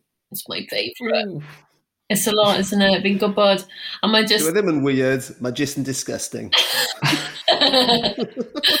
Ond mae'n mor, fi mor, mae'n just mor delicious, mae'n ei wir yn hapus. Yeah. Mewn bap. yeah. Mae'n real throwback i'r fath o'r 80au hefyd, yn fe? So what I am? Ie, pa fath o fara? Bara Gwyn. Wel, nid i um, sort of uh, dod i hyd i... O fi yn berson bara brown fel arfer, ond mae yna Baps Gwyn o um, Brutons lawr o hel, a mae'n wir yn fluffy a delish. So, Yeah. Faint wyt ti'n talu am fara, Annie? Faint wyt ti'n talu am dorth o fara surdoes, er enghraifft? Beth, beth yw bara surdoes? Sourdough. Oh! Just oh. hipster bread. hipster bread. Wel, fi'n mynd siŵr os maen nhw'n gwerthu hwnna'n brwtons. Fi'n mynd siŵr. I don't, I don't, I don't think. Okay. Fi ddim yn gofyn achos mae Lee yn talu 5 pint am dorth o fara. Ti ddim blodyn bach. Please. Pwy iawn? Ie. Ers, ers i'r pubs cae, dwi wedi gorfod cael y carbs rhywle arall. Dwi'n gallu cyfiarhau pris paint, pris torth, a wedyn just, just bwyta deg y noson. oh, man! Wow. Ond so, so ni'n tybio bod y, y pris yn rhoi ti off in heilo fe gyd? Chos mae'n ffraid well, ti fel 50p, yeah, one Ond, na, ond, ond mae fe ar ei ore ar y diwrnod ti'n prynu fe, so... O, oh, so ti'n gorffod bwyta fe gyd. Ie. Yeah. Ond ydyn nhw fel tiny tiny, neu ydyn nhw fel proper? Maen nhw'n... Maen nhw'n olew. Ti a... Ti a maint pale droid? Ie, yeah, maen nhw'n oce. Okay. Yeah, falle si, os ti'n cymryd y treian gweilan off, off pale droid, dyna ti. Ie, dwi'n mynd y syniad wael o gwbl, man. Rhyw bain o prices, dweud. yeah. Best five ever ever spent. O, oh, mae'n hyfryd. Oh. Anyway, um, dyn ni yma i glywed am y pethau bach sydd yn gwneud gwahaniaeth mawr i ti, Annie. So, um, dyro i ni dy beth hapus. Wel... Mae'n hwnna'n swnio'n well creepy, sorry. Yna'r intro. yeah. um, o ddifri, fel, fi'n yn dieddol fel person, os fi'n lico pethau, weithiau fi'n mynd fel yn sort of obsessed, bordering on creepy. So, y peth cynta fi wedi mynd yn obsessed gyda yw Gareth Bale. Just obsessed ffili stopio. Mae fe, a fi'n dilyn, obviously fi'n dilyn e gyd social media, fi'n dilyn fel hashtag Gareth Bale, fi'n fi'n dilyn top, fi, fi'n fan o Lerpwl, fi'n dilyn Tottenham, a fi'n strancio pan dwi'n dechrau, fi'n gwybod popeth o bit i fe, fi'n gwybod beth mae Mourinho yn gweud yn bit i fe, fi'n gwybod beth mae Zidane yn gweud a ddim yn dweud yn bit i fe, knows it all. A, I mean, obviously dwi'n rhywbeth ddim wrth i fodd am y sefyllfa, ond dwi ddim yn bit i fe fel, fel na, fi just fi just want, I just want him to do well. Yeah. A fi fel, just keep going, build it up, keep keep that stamina going, wedyn bydd yn Euros, a wedyn he'll be back to his 2016 best, and it's all going to be great again. Felly mae'n siel ail fyw 2016 mewn rhyw ffordd. Ond, um, just... Dyn ni, yeah, dyn ni mewn sefyllfa dda i ail fyw 2016, achos dwi'n meddwl oedd, oedd gennym ni cyfle dda llynedd, ond eleni, dwi'n meddwl, dwi'n meddwl, achos oedd e lot o anafiadau llynedd yn dweud, mm -hmm. so chance lot gwell eleni, mae hynny wedi bod yn ffafriol. Yeah. Mae'n Mr Bale hefyd wedi cael gêm wirthiol dros y penwthnos, nid fe? Sgorio e pen, Sgorio fe? Do. Do, oedd e'n e bod yn fel sort of swishy a fel lush, fel... Oedd e just yn... Pan mae just yn dangos pobl lan, pan mae just yn edrych, obviously wedi gweithio'n really galed, ond fel, mae just yn dangos pobl lan, neud nhw edrych yn really shit pan dyn nhw ddim. Yeah. A fel loves it, pan pobl just llithro o gwmpas e, mae'n neud fel nutmegs a stuff. Fi just, mae'n neud fi wir, wir yn hapus. Mae ma fe'n... Go on, Lee. O'n jyst mynd i dweud, mae fe, ma fe hydref ei, uh, ei yrfa nawr yn diwy. E? Mae fe'n, ti'n modd, dyle fe fod ar, ar y wind down, ond ie, ond dyma ni. Ond ti'n modd e? Ond dwi ddim yn rhy hyn na, 31, 32 falle. No, yeah. ffain. Ond mae fe hefyd wedi bod yn, ddim yn chwarae sy'n tair mlynedd, yn gwybod? So, mae'n eitha fresh. Ond um, gwerthu fi, yeah. beth ydy dy farn di o'i wallt? Achos dwi yn ystyried cael undercut. Diddorol. Wel, Fi... Mae gen i overcut. It's the only cut you can have, mate. Wel, yn ddiddorol, achos sy'n ni'n dadlysio fod dim ond Gareth Bale sy'n gallu neud e. Mm. Um, achos os ydyn nhw'n cael y gwell na, mae'n jyst yn edrych fel sy'n nhw yn copio Gareth Bale. Yn y berig yeah. os ydyn nhw'n yng Nghymru. Oedd e fel, yeah. chi'n cofio yr haircut Cat of the Unstoppable Sex Machine? Neu ydych chi'n rili fel? oh my god. Lloyd, os ydy, os ydy rhywun yn dweud Cat of the Unstoppable Sex Machine, mae ma rhywun, mae just, mae ma fan dychmygol yn dod i'm henni a maen nhw'n edrych yn union fel ti. Maen nhw'n union yr un oedran. Ond... A maen nhw'n ddyn hefyd. Just, just, Dim merched yn hoffi nhw. I mean, chi... Ie, chi... Dim yn gofio eich siarad beth Ti ddim yn gwybod pwy yw cat of the Unstoppable Sex Machine? Na me. Ah. Dwi, dwi ddim ond yn gwybod amdano achos o'n i arfer gweithio fel rhywun oedd yn obses. So, yeah. oedd nhw just yn ddeiawd yn yr 80 o hwyr um, oedd yn neud, well, just cerddoriaeth, oedd e fel Erasure i Indie Kids. Dyna'n union beth oedd e. Dyna'n union beth oedd e. Erasure efo guitars. Ond oedd un o'n nhw gyda, um, oedd e'n siafo i wallt, so dychmyga Lee, Ed, yeah. Wel, na, pa dychmygu fe, edrych ar Lee. Yeah. Ond, oedd, oedd y boi ma'n hollol foel, ond oedd gyda fe fringe. So oedd mm. allan o ffrynt o'i ben, oedd gyda fe ah. fringe masif. Mae werth googlo e fe. Oedd e di strafo o'i ben. Oedd e just... Neu, oedd e ddim gwall gyda fe, achos yn naturiol oedd ddim gwall gyda fe. Beth oedd... No, that was his style, man. Ac oedd na... Dwi'n cofio'r sort of... Dyna o le mae hwnna'n ddod, ie. Dwi'n cofio hynna, Pencoed 1994, dyna be o pawb yn edrych fel. Nôl, sorry, nôl at Gareth Bale. Wyt ti wedi cwrdd o fe? Na, o oh, na, it would be not a good idea. Oh, a pan fi'n edrych mewn bobl, achos fi'n ah, fi, fi just fel i bod normal, fi'n wir yn stirry, fi fel, neu fi'n opposite, fel, I don't know who you are, so I'm going to turn around and like pretend ah. I don't know who you are. Ah. Fi just, fi just fel neud e. Na. Ti erioed i bod yn starstruck pan ti wedi cyrraedd rhywun, neu? Um, unrhyw un, unrhyw un yn y cyhoedd, I just can't cope, I just can't hack it. Fe fi ffylu, fel hi'n rhaid yn mynd o gwmpas y steddfod a gweld pobl, pobl, pobl y coma, just come on. Fi'n obsessed with pobl y coma. Maggie just Just ffylu handlo fe, a fi just yn ormod i fi, a just fi ffylu. Fel, ti'n modd, um, chi pam chi di gwneud pethau falle i teledu, maen nhw'n gweud, o, ti just gerdded ar y sgrin, fi ddim yn gwybod beth i'n gwneud gyda dwylo fi. Mae'r un peth fi fel, oh, ti'n cerdded eto? Mae fel, fi'n anghofio sut pwy o dwi, fi'n gwybod sut i fod, sut i anadlu, mm. sut i hmm. behafio. Mae just yn, mae'n embarrassing i bawb, really. So, mae'n just aros yn y tŷ am byth, so fi'n gwybod embarrass yn hyn am byth eto. Yeah. O'n i just yn gofyn hynny, Annie, achos tas y ti eisiau, neu tas e unrhyw un eisiau cwrdd a Gareth Bale a Squad Cymru, mae'n actually, maen nhw'n ma nhw, ma nhw un o'r tîmau cenedlaethol mwyaf hygyrch yn, yn y byd. Achos maen nhw'n croesawu fans i um, sesiynau hyfforddi nhw yn y Feil y Glamorgan uh, yn y gwesti lle maen nhw'n aros cyn gemau. A mae ma, ma fy mrawd i o'i blant yn mynd draw na, yn aml. A, a, a, a mae'r boes fan really, really hyfryd. Um, oedd y mrawd i yn gweud maen nhw'n ma, ma, ma ridiculous. Ie, ond os ti'n mynd gyda plant, hwnna'n ffain, bod rhaid fi fenty. Fi ffili sefyll fyna fel yn creepy fel Byddai'n edrych fel oh. hen gwag. E fel, Busting some moves. It's horrible. Fi just, yeah. Os fi benthyg plant rhywun, so hwnna'n sweet. Sy'n y da. Ie, bys hwnna ddim yn creepy. Na, so hwnna'n hollol fine. Ti'n gwybod beth, pan, pan dwi'n gweld um, Gareth Bale, ydy hwn ddim yn digwydd efo lot o bobl pan dwi'n gweld nhw. Pan dwi'n gweld Gareth Bale, dwi'n meddwl i fy hun, mae fe'n edrych fel bod e'n oglen dda. Definitely oglen dda. Na.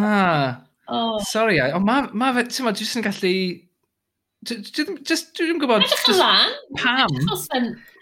Ie. Ie. Be ti'n meddwl mae fe'n aroglio? Mm. Oh, Old Spice?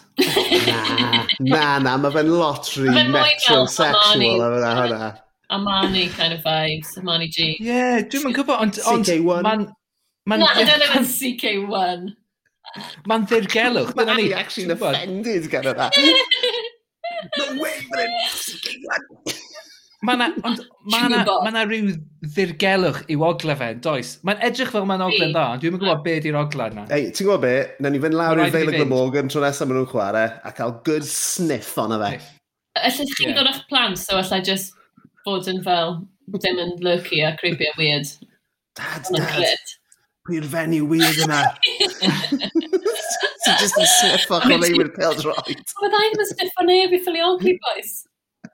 Ie, ie. O, ti di cael yr alibi yn barod, ie. Good point. Amazing. So, so sorry, hefyd, wyt ti'n Spurs fan? Wedys ti bod ti'n Spurs fan? Na, Liverpool fan. Liverpool. Dyma, dyna pryd mae'n mynd yn awkward, achos, obviously, fi ddim eisiau nhw ennill, ond os maen nhw sgorio, fi eisiau i Bale fod wedi sgorio. A obviously, fi eisiau nhw gael draws a stuff, achos dyn nhw'n bell tu ôl i ni, neu ydyn nhw'n flan i fi, even gwybod, yn hyn o bryd. So, fi eisiau nhw ennill. Big fan, obviously. yeah, fi wedi bod, mae wedi bod eitha depressing season, really, Lerpwl, dwi'n meddwl, so we kind of fel, oh man. Yeah. I mean, dwi, dwi, dwi mor neutral o ran pêl droed clybiau erbyn hyn. Um, dwi, dwi, dwi, dwi dilyn uh, hanes y tîm cenedlaethol, Ond o ran, o ran tîmed, I couldn't give a shit. Uh, o ti'n so, so wedyn... i dilyn Cardiff City? O, oh, na, o'n i'n massive fan, o'n i yn tan yn reit ddiweddar i fod yn onest, o'n i wedi cwmpa allan o gariad gyda'r holl beth. Ond, oh. erbyn hyn, fi jyst eisiau i chwaraewyr Cymru ddim dda. So fi eisiau i Gareth Bale a Ben Davies a felly by default Spurs yeah. wneud yn dda mm. a, ac, exactly. ac ymlaen. Fi'n fi, fi teimlo bod fel, mae pobl sy'n fel super fel, super, super football fans, fi'n gwybod ddim yn licio fans fel fi, achos fi'n dilyn fel players. Mae kind of a bobl sy'n dilyn producers yn lle'r artist, fi fel, fi'n licio players, be bynnag maen nhw'n mynd, a fi hefyd yn fi'n obsessed gyda managers i gyd hefyd, fi'n caru'r managers, fi'n mynd wir yn upset os mae Newcastle yn colli, achos mae pawb yn bod gael Steve Bruce a stuff. fi'n caru, fi just yn obsessed siarad ti ffobl gyda pobl sydd ddim yn oh, actually, na, chi siwr yn gwybod loads yn ffwbl. Ond pan mm. mae pobl yn gwybod loads yn ffwbl, dyn nhw'n licio siarad fi beth i ffwbl. Achos fi ddim yn gwybod lot, fi jyst yn caru fe. Ie, yeah, well, dyna, dyna sut dwi'n teimlo am y peth hefyd. Dwi'n dwi, dwi ymddiddori yn y ddiwylliant. Ie, yeah, falle dyna dyna beth yw e, ddiwylliant yw i. Ie. A, a mae yna ma straeon trwy'r amser, jyst dim ots gen i pwy sy'n ennill, ond mae yna ma straeon a mae yna ma, cymeriadau diddorol. A, a'r ffaith bod ti'n hoffi'r reolwyr, achos, achos y reolwyr, achos beth sy'n digwydd ar, ar y cae yn ystod gêm, yna dwy ar ugen o bobl yn rhan o'r stori hynny. Felly, dim ond un neu ddau prif gymeriad pob wythnos, ond pob wythnos mae reolwr yn prif gymeriad. So dyna pam, dyna pam ti'n cael dyddenu at y bobl yma, achos maen nhw yn y stori pob wythnos. Ti'n fawr be, falle bod ti'n iawn. Ie, yeah, fi'n cytuno dy ti. A fi'n fi bastod yn licio gwrando nhw'n siarad ar ôl y gêm a gweld beth maen nhw'n gweud a Ti'n mynd teimlo fod e'n llawn ystrydebau, ddo? Yeah, Dyna beth dwi yeah. ddim yn hoffi. Oh, I don't mind. O beth ti'n darllen drwyddo fe weithiau? Fi'n fi, bit... Yeah. Obviously, mae Mourinho was yn interview's hilarious. Um, love it, loves it. Ond un peth o'n eisiau nadolig o threis, oedd dde jyst yn gweud amhosib a weird a creepy. O'n eisiau um, iddo fe wneud calendar fi gyda'r Premier League managers i gyd. Naked Premier League manager, Cavenda. fel, fel mae farmers yn neud i godi arian. Dim naked, ond o'n i just... Oh, what's, what's happened to me? What, who am I? What's happening? I love it, well, but I sorry. love it. OK, so Gareth Bale yn amlwg yn 18 hapus a miliynau o bobl arall rownd y byd hefyd. Yeah. Gyda'i goesau cyhyrog a'i wallt doniol. Um, Os rhywbeth arall sydd wedi bod yn gwneud ti'n hapus yn ddiweddar? Sa'n so, i'n gweud hapus, fwy, mae wedi bod yn occupy fi fwy na wneud fi'n hapus. Ie, yeah, na, ma'n cool. Tra bod pawb arall wedi bod yn fel tyfu fel planhigion a tomatos a stuff, fi wedi bod yn tyfu eyebrows fi, a fi just obsessed. Achos obviously fi wedi gweld Instagram yn fwy, fi wedi gweld fi bod Instagram yn fwy, so fi fel, oh my god, all the kids have got like really bushy eyebrows. O'n i fel, oh ddim yn gwybod os chi'n gweld, o chi'n gwybod beth o'n nhw o blaen, ond mae hwn yn fel, hwn yn serious guys, this is like real... Mae nhw'n massive. Thanks babes. fel, fel, fel dwy lindysyn yn dylygyd. Wyt ti'n meddwl mynd, ti'n ma, cam nesaf a mynd am just full on monobrow? O, oh, na! Achos ti'n ma beth, fi wir wedi rhagweld yn y dyfodol, mae pawb sydd wedi wneud e full pelt gyda full on bushy eyebrows wir mynd i fod yn embarrassed fel yn dyfodol meddwl, why did mm. I hmm. do this? So fi'n mynd trwy yn y canol, so bod fi ddim yn mynd i fod yn rhy embarrassed yn dyfodol. Ond mae'n ma, ma, ma, ma, ma, ma eitha diddorol. So just fel, achos obviously, ti yn y tŷ gyment, ti'n, mae ma loads o ddrychau dros y lle, so ti'n fel, oh my god, how are they looking today? Are they growing? a mae just gorfod amser, fel arfer bys ti mas o'r tŷ, bys y ti, so ti'n gweld y wyneb top trwy'r amser, lot fwy aml na bys y ti. So pa mor, pa mor fyr o ti'n cadw nhw yn flaenorol? I mean, mae fi a Lee nawr jyst yn pwyso mewn i'r sgrin yn syllu arna. Eyebrows. I mean, maen nhw'n ma nhw yn impressive. Dyn- Dyna'r fath o siap ti'n gweld ar Instagram. Exactly, the Yeah. Instagram eyebrows. So fi just di bod yn trio cael sort of Instagram-worthy eyebrows. Fi wir Like a couple of sut wyt ti'n- sut upside wyt ti'n- down Nike logos. Just don't do it. So be- be- Don't ever do this. Don't ever do this. Uh, so, so beth be ti'n neud efo nhw? Be, Well, actually, chimod, that's the, that's the, that's the Heb- amazing bit. dim byd. Ah, right, Ond ti'n okay. mynd am y canol, obviously, fel, fel llwyd hmm. i gweud, ti'n eisiau bod yn rili brew. Mae rhai bobl yn going for that look, ond dim fi. So fi'n edrych ar ôl y canol. Dim eto. Ond just, just, just wait. Gadw fi gweddill fynd. Dwi'n edrych ymlaen at pan dwi'n hun, achos mae ma eyebrows fi yn mynd yn mwy bushy wrth i fi fynd yn hun. Na gydw, nid eto, ond dwi'n meddwl mi ddaw y diwrnod yeah. pan mae hynny'n digwydd. Yeah. Um, meddwl, os o'n i'n mynd i'r Barbers, dwi'n meddwl falle fysa nhw'n rhoi quick trim iddyn nhw. Ydyn nhw'n neud hynna? Ydyn, ie, yeah, maen nhw yn, ond dwi'n torri gwallt fy un, so... Um, na byth cael y pleser o rhywun arall. Beth am blew yn dod allan o trwy neu cristiau? Sgwyd ti'n broblem yna, Annie? Dyna eto, Am i boi. O'n i fel, yn credu.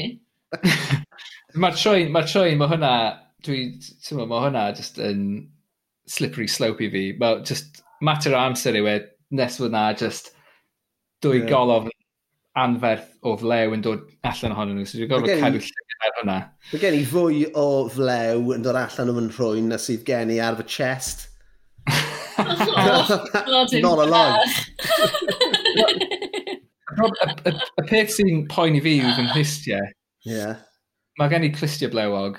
Yn barod. A mae ma, ma rhain i'n mynd yn waith ac yn waith Beth am rhaid y dad, siap sy'n rhaid, mae rhaid dad fi, mae fe fel cwpl o broccoli florets erbyn hyn, ti'n O, a dwi ddim, dwi, dwi ddim yn, dim diddordeb gyda fe'n taclo nhw, mae'n hapus gyda gadael nhw.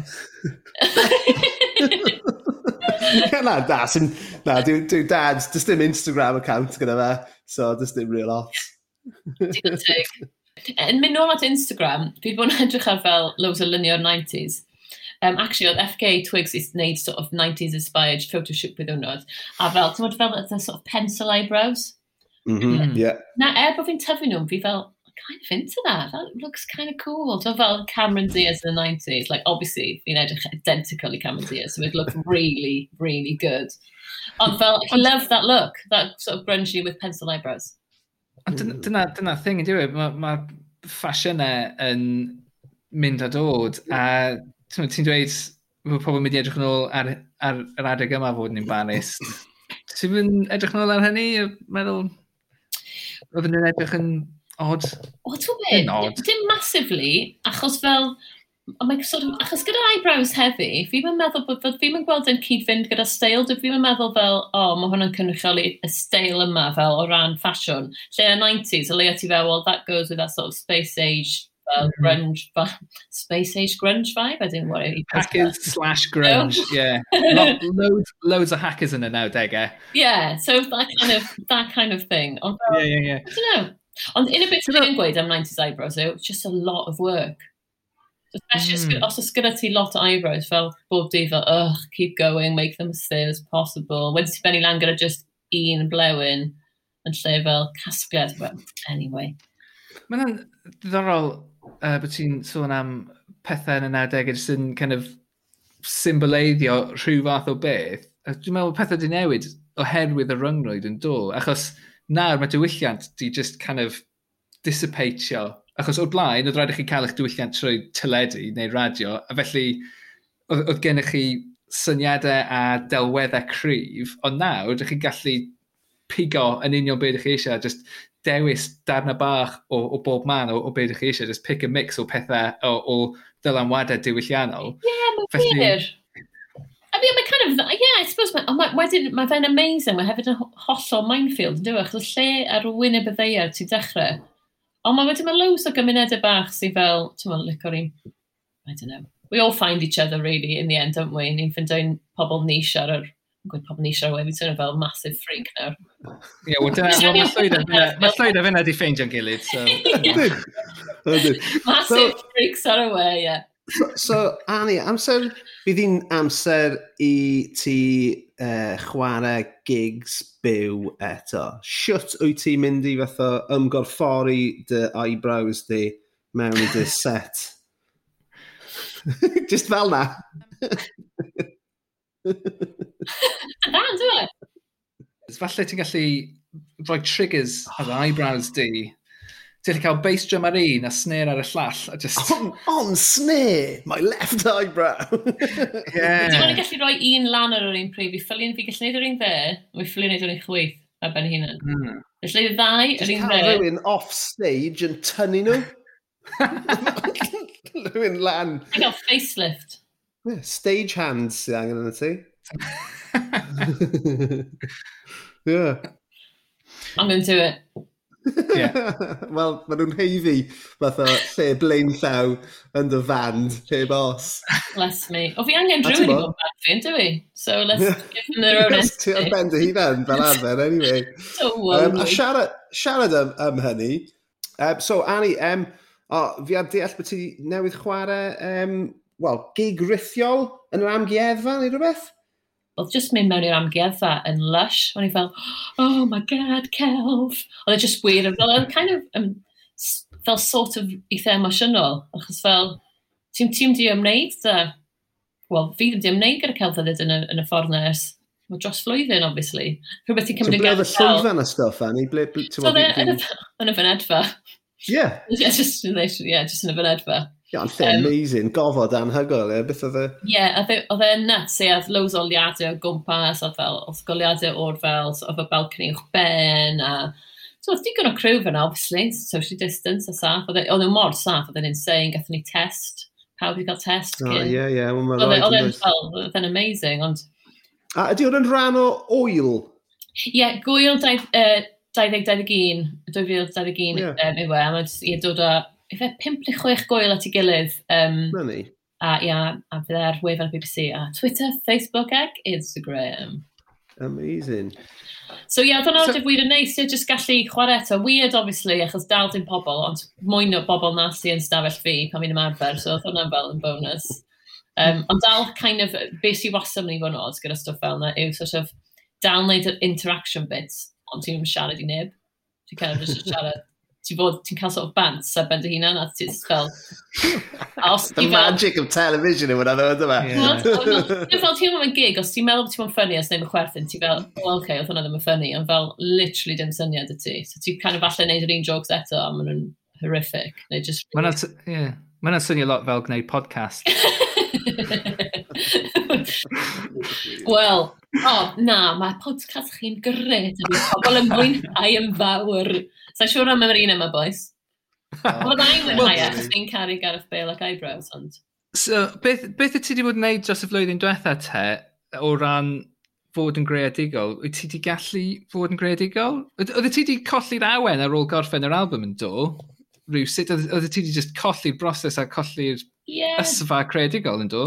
Wel, fi'n meddwl, yn fwy na ni, fi'n meddwl i ddechrau, achos o, fel y, y, y bwriad oedd teithio, oedd e ddim di croesi meddwl y bysyn ni a cyfle i greu.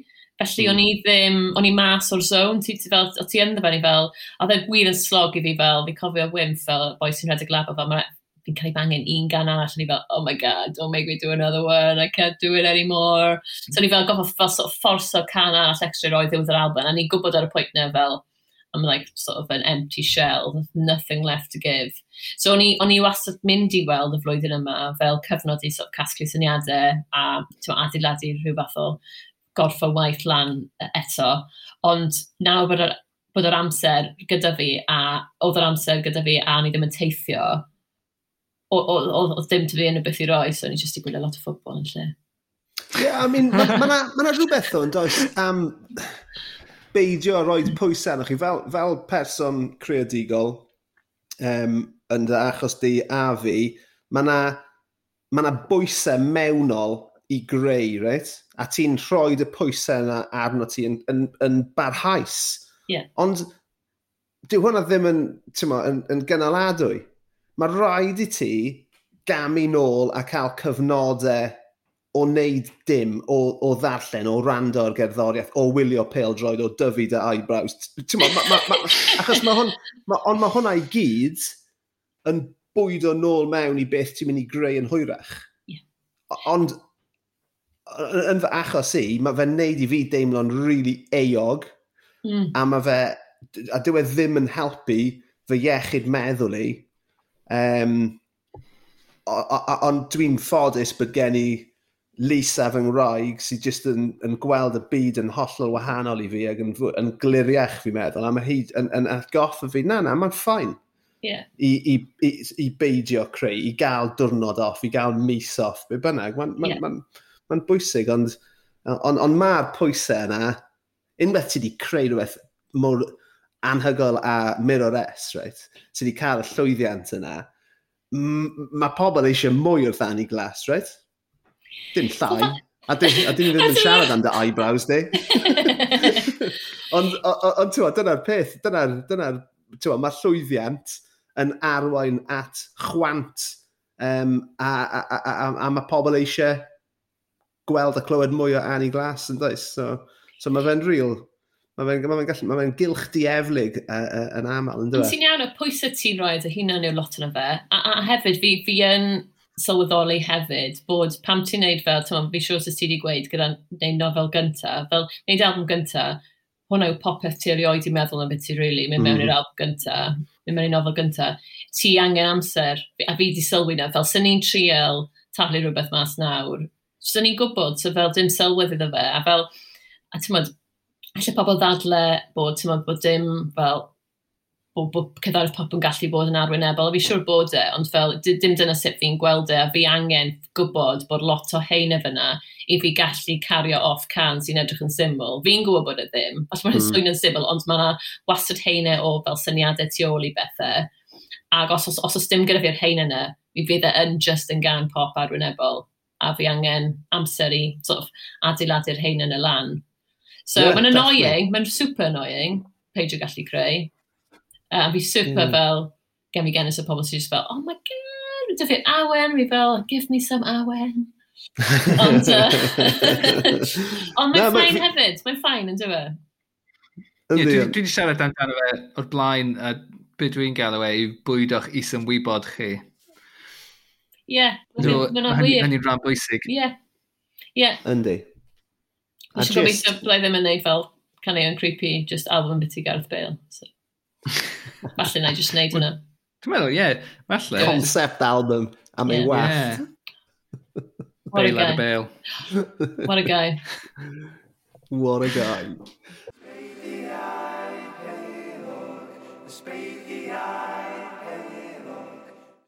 Oedd hwnna'n briliant. Uh, diolch yn fawr iawn i Annie Glass a'i eiliau hyfryd?